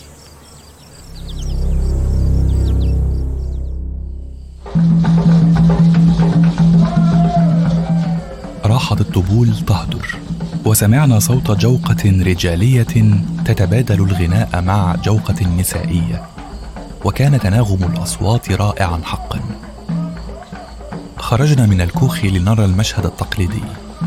النار مشتعلة وأفراد القبيلة يرقصون حولها. وتذكرت هنا ملحوظة قرأتها في كتاب إفريقيا ترقص للمستكشف الإنجليزي جيفري جور. وقد كان لاحظ أن أفراد القبائل البدائية عراة تماما إلا في أواني الرقص. عندما يرتدون الجلاليب والأقنعة والريش وكل ما من شأنه أن يخفي أجسادهم. لم يكن القمر بدرا بل كان أقرب إلى الهلال وهذا غير معتاد في الرقصات الإفريقية الدينية. قال بودرجا وقد بدأ نصفه السفلي يتحرك لا شعوريا مع الإيقاع دي رقصة جافارا من فولتا العليا بتمجد الطوطم اللي بيحمي القبائل من الوحوش. وتأملته في اهتمام لم يكن لاهيا بل هو الجد بعينه. هنا فقط صدقت حقيقة أن الإفريقي يسمع الموسيقى بجسده قبل أذنيه. رحنا نتأمل الرقصة في اهتمام فهذه أشياء لا يراها المرء مرتين. ودنا بودرجة دون أن يكف عن الاهتزاز من أحد الراقصين وراح يسأله والراقص يجيب وهو يتواثب كالبرغوث ثم عاد بودرجة ليقول لنا الرقصة دي بتبقى الإعداد الشيوخ للموت بيعملوها كده كل أسبوع. وبالفعل رأينا ستة من الشيوخ الفانين يخرجون ليمشوا في صف واحد نحو الزعيم الذي راح يلوح بسكين عملاق على سبيل تمثيل القتل. وراح كل شيخ يمثل الموت. بعدها جاء ثور عظيم لينهالوا عليه جميعا بنصال المدى وهو مشهد مروع حقا. وحمدت الله على أنهم لم يذبحوا بقرة حتى لا يفقد نظير أعصابه. فهو هندوسي لا يتحمل رؤية بقرة تذبح. جاء رجلان يحملان فخذ ثور ووضعاها أمامنا بما معناه أن هذه هديتنا. فهززنا رؤوسنا شاكرين ووقفنا نرمق المشهد الرهيب. ثم وجدت أندرسون يجذبني من كمي في إشارة معناها هل ترى ما أراه? نظرت إلى اتجاه نظراته فرأيت أحد الراقصين المقنعين يترنح في حركات عصبية مبالغ فيها. كان يتواثب تتفكك قدماه ليهوي على الأرض. ينهض يواصل الرقص المجذوب. كان يقهقه بصوت عال مجلجل. وحين نظرت إلى قدميه أدركت أنه فقد التحكم في مثانته. فالبول كان يتساقط منه دون أدنى محاولة للسيطرة من جانبه. كان هذا كافيا لأن الرجال أحاطوا به وحملوه مبتعدين. هرعنا لنلحق بهم لكن الزعيم ملجا رفع كفه في وجهنا وهو يضحك كاشفا عن أسنانه البيضاء المدببة. وقال بضع عبارات ترجمها لنا بودرجا بيقول ما نقلقش هو الراجل تقل شوية في شرب الخمرة اللي بيعملوها من جذور الكثافة. هيبقى بكرة زي الفل مفيش داعي نبوظ الحفلة علشانه.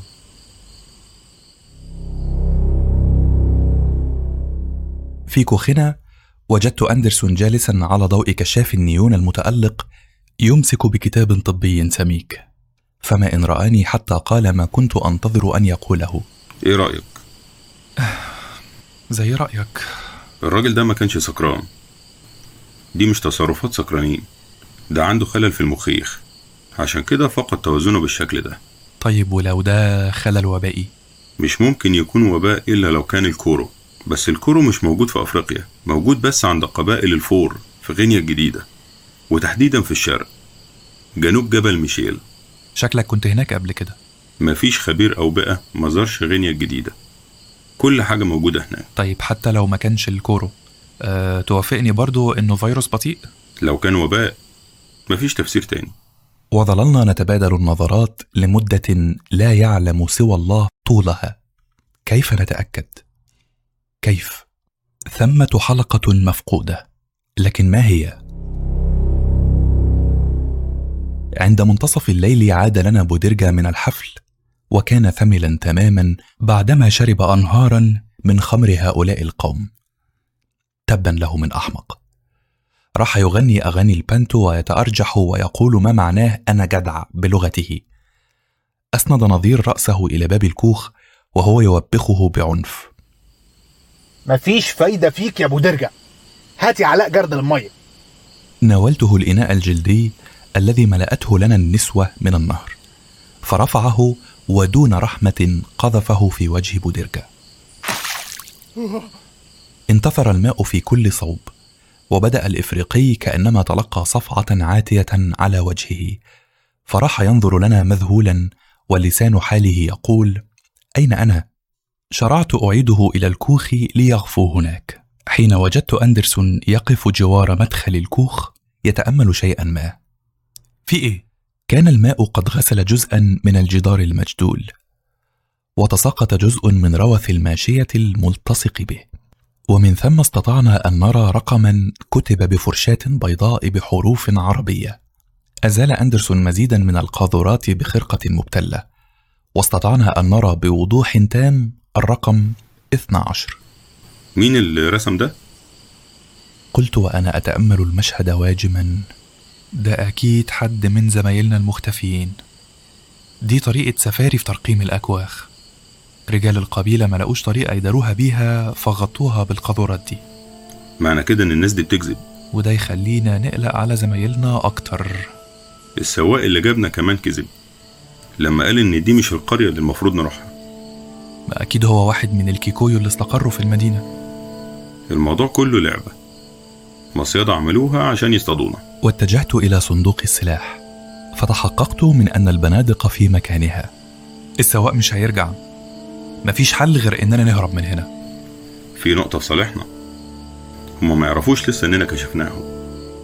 خلونا نغطي الرقم اللي على باب الكوخ زي ما كان.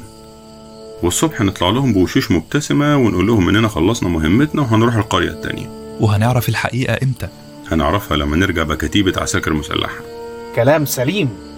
لو حاولنا نهرب دلوقتي هيفهموا إننا كشفناهم وساعتها هنكون قدرنا نموت منهم بالكتير عشرة قبل ما الباقيين ياكلونا. نظرت لهم وبدأ الكلام مقنعا. فهززت رأسي وأعدت إغلاق الصندوق.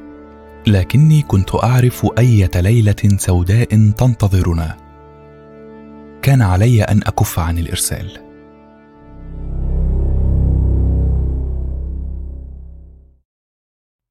برناديت أين أنت؟ اتراك زوجة الزعيم تعدين له الكثافة؟ أم تراك في قبر بين هذه الأدغال؟ أم تراك في معدة أحدهم؟ المصيبة هي أن كل هذه الاحتمالات شنيع لكني لا أجد احتمالات أخرى أكثر بهجة. وفي الساعات الأولى من الفجر تم كل شيء بسرعة. أنتم تعرفون كيف تتم هذه الأشياء السخيفة. لهذا لن أطيل الوصف. يكفي أن أذكر أن اليد التي كممت فمي كانت قذرة جدا وأن بودرجا لم يقاوم. وأن أندرسون وجه لكمة إلى فك أحد المعتدين لكنه جزاء وفاقا تلقى ضربة مروعة بالهراوة على مؤخرة عنقه. وبالطبع لم يستطع الطبيب السويدي الضعيف أن يظل على قدميه حتى ولو كان ثقيل الظل. لقد صرنا تحت رحمتهم تماما. ولكن أين قدر الماء المغلي؟ يبدو أنهم لم يصلوا درجة التحضر التي تجعلهم يعفون اللحم النيء. وفي هواء الفجر البارد شعرت بهم يحملوننا ثلاثة رجال لكل واحد منا إلى خارج القرية. لم نقاوم فالمقاومة ستزيد الأمور سوءا وسمعت صوت الزعيم يصدر بغلظة تعليماته لرجاله. لقد انتهى عصر المودة والضحكات التي تكشف عن الأسنان البيضاء المدببة. لقد كانوا عمليين جدا. لكني كنت الوحيد الذي يملك فكرة معينة عما ينتظرنا هنا. كنا الآن قد اجتزنا حاجزا من الأشجار وها نحن الاء في فرجة منها. واستطعت أن أسمع صوت ضحكات. ضحكات مجنونة مجلجلة. ورأيت سياجا لا بل هي أقفاص خشبية. تم صنعها من أغصان الأشجار المجدولة بحبال من ليف. وبالداخل رأيت العيون البيضاء تلتمع.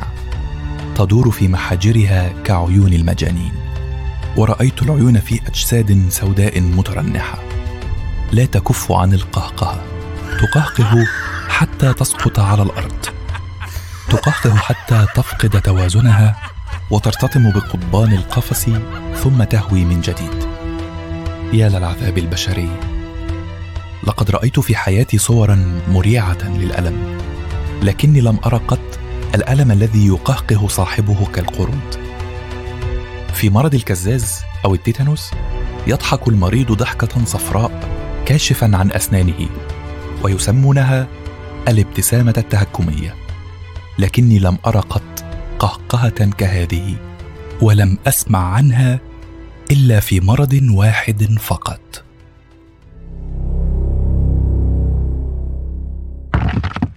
وانفتح أحد الأقفاص وشعرت بأنني أطير في الهواء لأسقط على الأرض دون رفق ورأيت في ضوء النهار الوليد نظير وأندرسون وبودرجا يطيرون بدورهم ليسقطوا جواري. ثم رفعت عيني فوجدت وجوها مألوفة. وجوها ظننت أنني لن ألقى أصحابها ابدا. وشعرت بيد رفيقة تسند رأسي. وثمة شعر أشقر ينحني علي. ثم سمعت الصوت الحاني يقول علاء الحمد لله إنك بخير. بس إيه الغباء ده؟ برنادت. الحمد لله إنك بخير. بس إيه الكارثة دي؟ عملوا لك حاجة؟ لا ابدا. عملوني كأني شوال رز بس. وهنا رأيت الكدمات على وجهه. وأدركت أن جرحا قطعيا يقسم شفة برنادت السفلي إلى نصفين بشان من تلقت لكمة في فمها. وحين رفعت عيني رأيت أن شيلبي كان أسوأ حالا وأن ليوبولد حارس الأمن ليس معهم. هو ميت بالطبع فلا تفسير لاختفائه سوى هذا. أما جبرييل وأوشيمو فكان على ما يرام كما أعتقد. قال نظير وهو يتحسس نبض عنق أندرسون. هيفوق كمان شوية إلا لو كان جاله ارتجاج في المخ. بس بينكم فعلا قاومتم أكتر مننا بكتير. لأنكم اتخذتوا على إخوانا. إحنا كنا متوقعين الغدر. فجأة لقينا نفسنا وسط الإقفاص دي وهاجمونا وضربونا واترمينا هنا قبل ما نفهم أي حاجة. والعلماء الستة فين؟ مش عارفين. وهسلر وليوبولد. أكلوهم. دوت الكلمة في القفص فتجمد الجميع. كان قائلها هو شيلبي الذي جلس على الأرض وشعره الأشيب يغطي إحدى عينيه وهو يلوك آخر سيجار لديه. وقد قال كلمته في برود وموضوعية كأنما يتحدث عن تجربة علمية يلعب فيها دور المراقب المحايد. وكأنما قال لنا إنهما ليوبولد وهسلر ذهبا إلى الحمام أو سافرا للنزهة. صاح نظير في رعب وهو ينهض. إيه ده؟ الكيكويو مش أكلي لحوم بشر. دول بياكلوهم معلش مش ملتزمين بالكتب للأسف. وانتوا شفتوا ده بنفسكم؟ طبعا. في الأول عملوا حفلة في القرية وبعدين جم أخدوا اتنين مننا. هم طيب بيعملوا الحفلات دي كتير؟ مرة أو مرتين في الأسبوع. أحيانا بيعتمدوا على العواجيز اللي شفناهم في الحفلة. الشيوخ بيقبلوا ده برضا تام. بيعتبروه تضحية دينية كبرى. والحفلة اللي جاية إمتى؟ مش عارف. يمكن الليلة. يمكن بعد ثلاثة أيام. ويجوا ياخدوا اتنين مننا ياكلوهم ولا إيه؟ هما يتعاملوا معانا كأننا فراخ في عشة يفتحوا الباب ويختاروا أضخم فرخة أو اتنين متوسطين من الحجم. الموضوع بمزاجهم خالص زي ما انت شايف. وانت إزاي بتتعامل مع الموقف بالهدوء ده؟ أنا عديت مرحلة الرفض دي ومستعد للموت. كمان السيجار بتاعي خلاص. والحياة ما بقاش ليها قيمة عندي خلاص. ونهضت مترنحا أتفحص القفص الخشبي. كانت قضبانه غليظة حقا من العسير التفكير في تحطيمها. أما الباب فكان مغلقا بجنزير حديدي ثقيل يثبته قفل متين من طراز ييل هؤلاء القوم ليسوا بعيدين عن الحضارة إلى هذا الحد. قال أوشيمو وقد رأى اتجاه عيني. أيوة غالبا سرقوا الحاجات دي من الحملة اللي فاتت وعرفوا إزاي يستعملوها. لو كانوا قافلين الباب بالخوص كنا قدرنا نحرقه من زمان. حتى لو عرفنا نخرجوا المكان الكله رجال عندهم سلاح. طب والأقفاص التانية المليانة مجانين بيضحكوا دي؟ دول العيانين بتوعهم. حابسينهم هنا لحد ما ساحر القبيلة يلاقي حل معاهم أو يموتوا. هو إيه المرض ده؟ الكورو يا علاء. فكرت إنك فهمت ده لوحدك.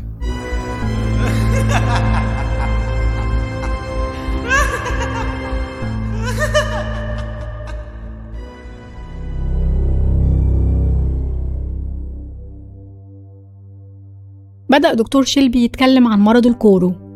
كان خبير بيتكلم عن حاجة عرفها وشافها وبقى أحسن واحد ممكن يتكلم عنها. أندرسون كان فاق فقال مفيش كورو في أفريقيا. الكورو موجود بس في بابو غينيا الجديدة وما اتشافتش أبدا براها. من الغباء إنك تبقى باصص للشمس وبرضه تقول لأ الشمس مش موجودة. الكورو يا ولاد بيحصل بسبب فيروس بطيء. ما سمعتوش عنه قبل كده؟ الشيء المشترك بين عيلة الفيروسات البطيئة إن هدفها إنها تبوظ المخ على فترات زمنية طويلة. فترة الحضانة مش بتتحسب بالأيام بتتحسب بالسنين. أكيد مثلا سمعتم عن فيروس جنون البقر أو الخلل المخي الأسفنجي عند الأبقار. يعتبر نموذج كويس للفيروسات البطيئة. تكوينها مختلف عن باقي الفيروسات. وكان في كلام كتير انتقاله من الأبقار المريضة للإنسان بس آه، ده مش موضوعنا. من سنين طويلة اكتشف العلماء مرض عند قبائل الفور في بابو غينيا جديدة اسمه الكورو. الفيروس أو البريون بيوصل للمخ تحديدا المخيخ ويهاجمه ويحلله تماما. ليه صورة pathology مميزة قوي؟ المخ بيتملأ تجاويف وأميلويد والخلايا العصبية بتبقى شبه توربيد. فعلا ده اللي جيديون لقاه في مخ الراجل المجنون اللي مات في الوحدة.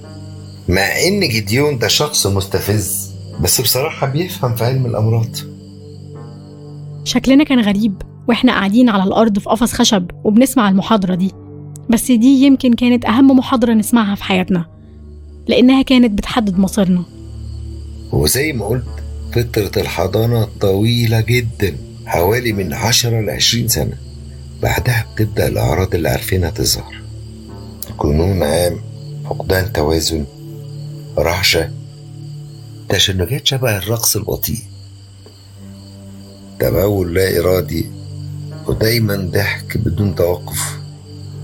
بعدها بيدخل المريض في غيبوبة. وبيموت خلال سنتين. الحقيقة المرض ده نعمة من عند ربنا. قدر يخلص المجتمع من إنسان نياندرتال آكل اللحوم البشر لحد ما تبقى الإنسان المتحضر لحظة إيه دور أكلة لحوم البشر هنا؟ السبب يا بنياتي هو انتشار عادة أكل مخ الموتى عند قبائل بابو غينيا الجديدة وده كان سبب في ظهور المرض هناك لحد ما حكومات الكومنولث قدرت تسيطر على العادة دي والمرض ده اختفى تماما سنة 1957 آه فهمت. قبائل كيكويو تاكل مخاخ المسنين من زمان والمرض كان محتاج عشر سنين باش أعراضه تبدأ تظهر. زي اللي بجنبنا في القفص. ده برضو اللي وصل له جيديون في سفاري. سبب انتشار المرض هو عادة أكل لحوم البشر وكان لازم نيجي وراكم علشان نحذركم وننقذكم. ودي حاجة ما قدرناش نعملها للأسف. قدروا يخدعونا. هم عارفين إن لو السلطات أخذت خبر هيقضوا عليهم أو هيطردوهم من هنا.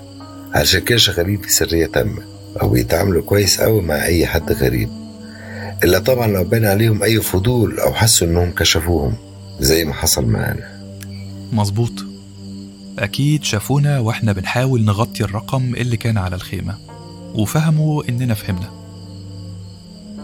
برنادت أم أم شفتك.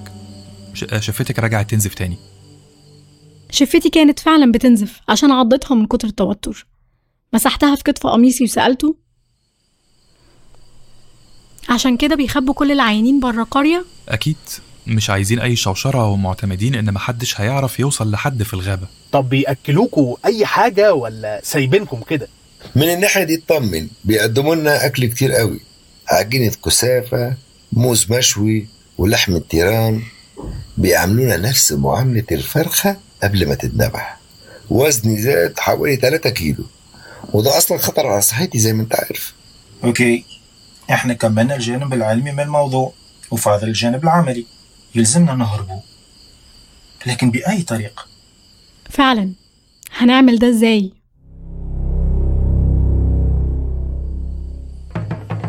صوت الطبول كان واصلنا من بعيد. صوت الكورال الرجالي وهو بيرد على الكورال الحريمي كالعادة.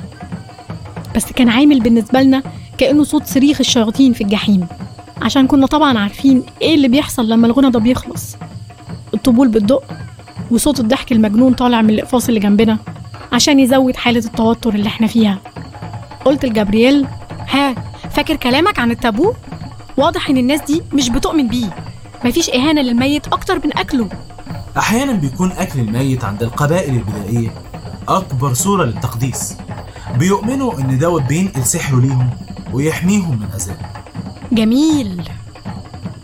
بصيت في اتجاه علاء لقيته بيدي حاجة لبسام وحاجة لأوشيمو ما قدرتش أشوف كان بيديهم إيه بس مش مهم قوي. سمعت بسام بيسأله ثلاثة فقط؟ ما جاتش فرصة آخد أكتر من كده. ما كانش فيه فرصة أسألهم إيه ده. لأننا شفنا المشاعل وسمعنا صوت الغنى وأهل القرية جايين علينا بعد ما خلصوا الحفلة. إحنا كنا شفنا المشهد ده أكتر من مرة وعارفين معناه إيه. بس دي كانت أول مرة لعلاء والمجموعة بتاعته. زعيم القرية قرب مننا بهدوء على ضوء المشاعل الرهيب.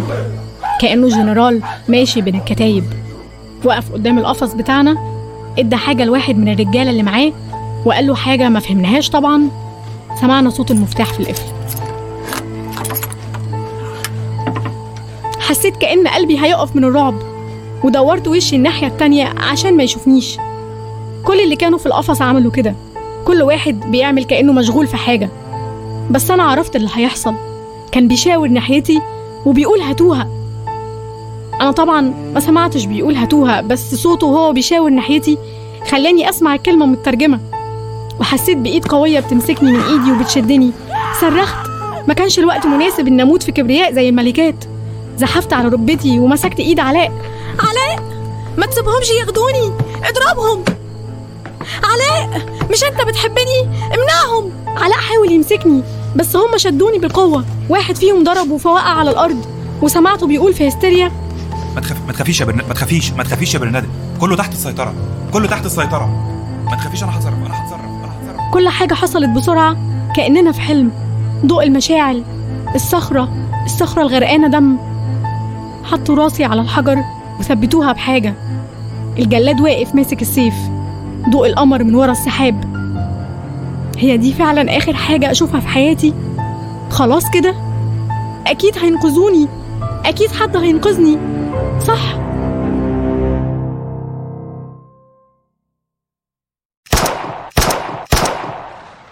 بعدين عرفت إن أندرسون كان معاه مسدس. جرى لحد باب القفص وضرب ثلاث طلقات. فوضى رهيبة. الزعيم وقع على الأرض وفي نفس اللحظة كان علاء وبسام وأوشيمو بيجروا ناحية باب القفص. وصوت ثلاث انفجارات مكتومة. اطلعوا للهواء بسرعة. دي قنابل غاز عرفت أحرر نفسي من اللي كانوا مكتفيني وجريت. جريت وأنا مش شايفة مكان رجلي. مش قادرة أتنفس من الدخان. بس كنت سعيدة. كنت حرة. سمعت صوت شيلبي؟ اثبتوا يا أولاد النجدة جت وصلت. كان في ثلاث طيارات هليكوبتر كشافاتهم منورة المكان كله. والكيكو يو كانوا بيجروا في كل حتة هربانين. بدأت الطيارات تنزل وسط الدخان في ساحة القرية. وشفت جنود كتير نازلين منهم شايلين أسلحة آلية. نزل كمان من الطيارة راجل لابس بيري وبيتحرك في هدوء. واضح إنه رتبة كبيرة. سلم على شيلفي وبسام وشاور للجنود اللي معاه وزعق إيه الفوضى دي؟ كويس إننا ما تاخرناش أكتر من كده. أنا اللواء متزنجة من السلاح الجوي الكاميروني. البروفيسور بارتلي نجح إن هو يقنع السلطات.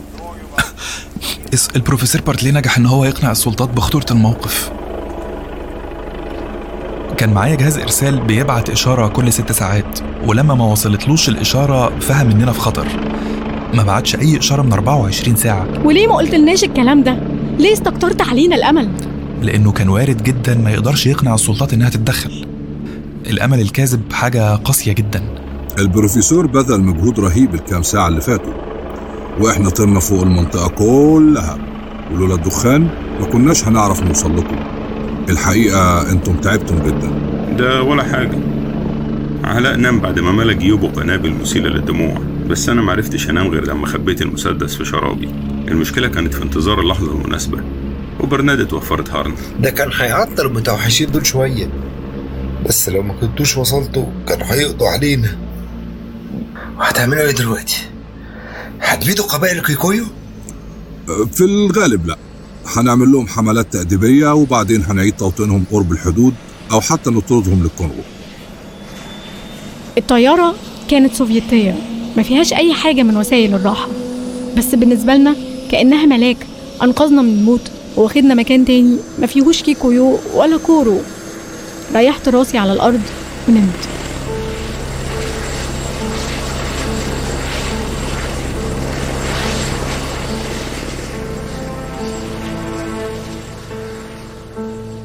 إيه هو مصير الكيكويو المفترسين؟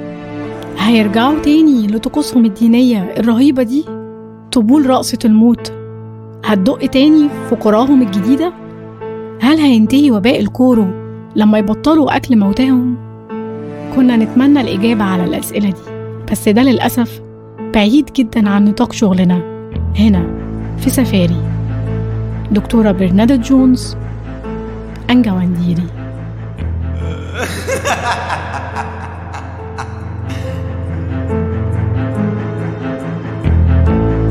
رقصة الموت. قصة دكتور أحمد خالد توفيق. إنتاج قناة تسجيل.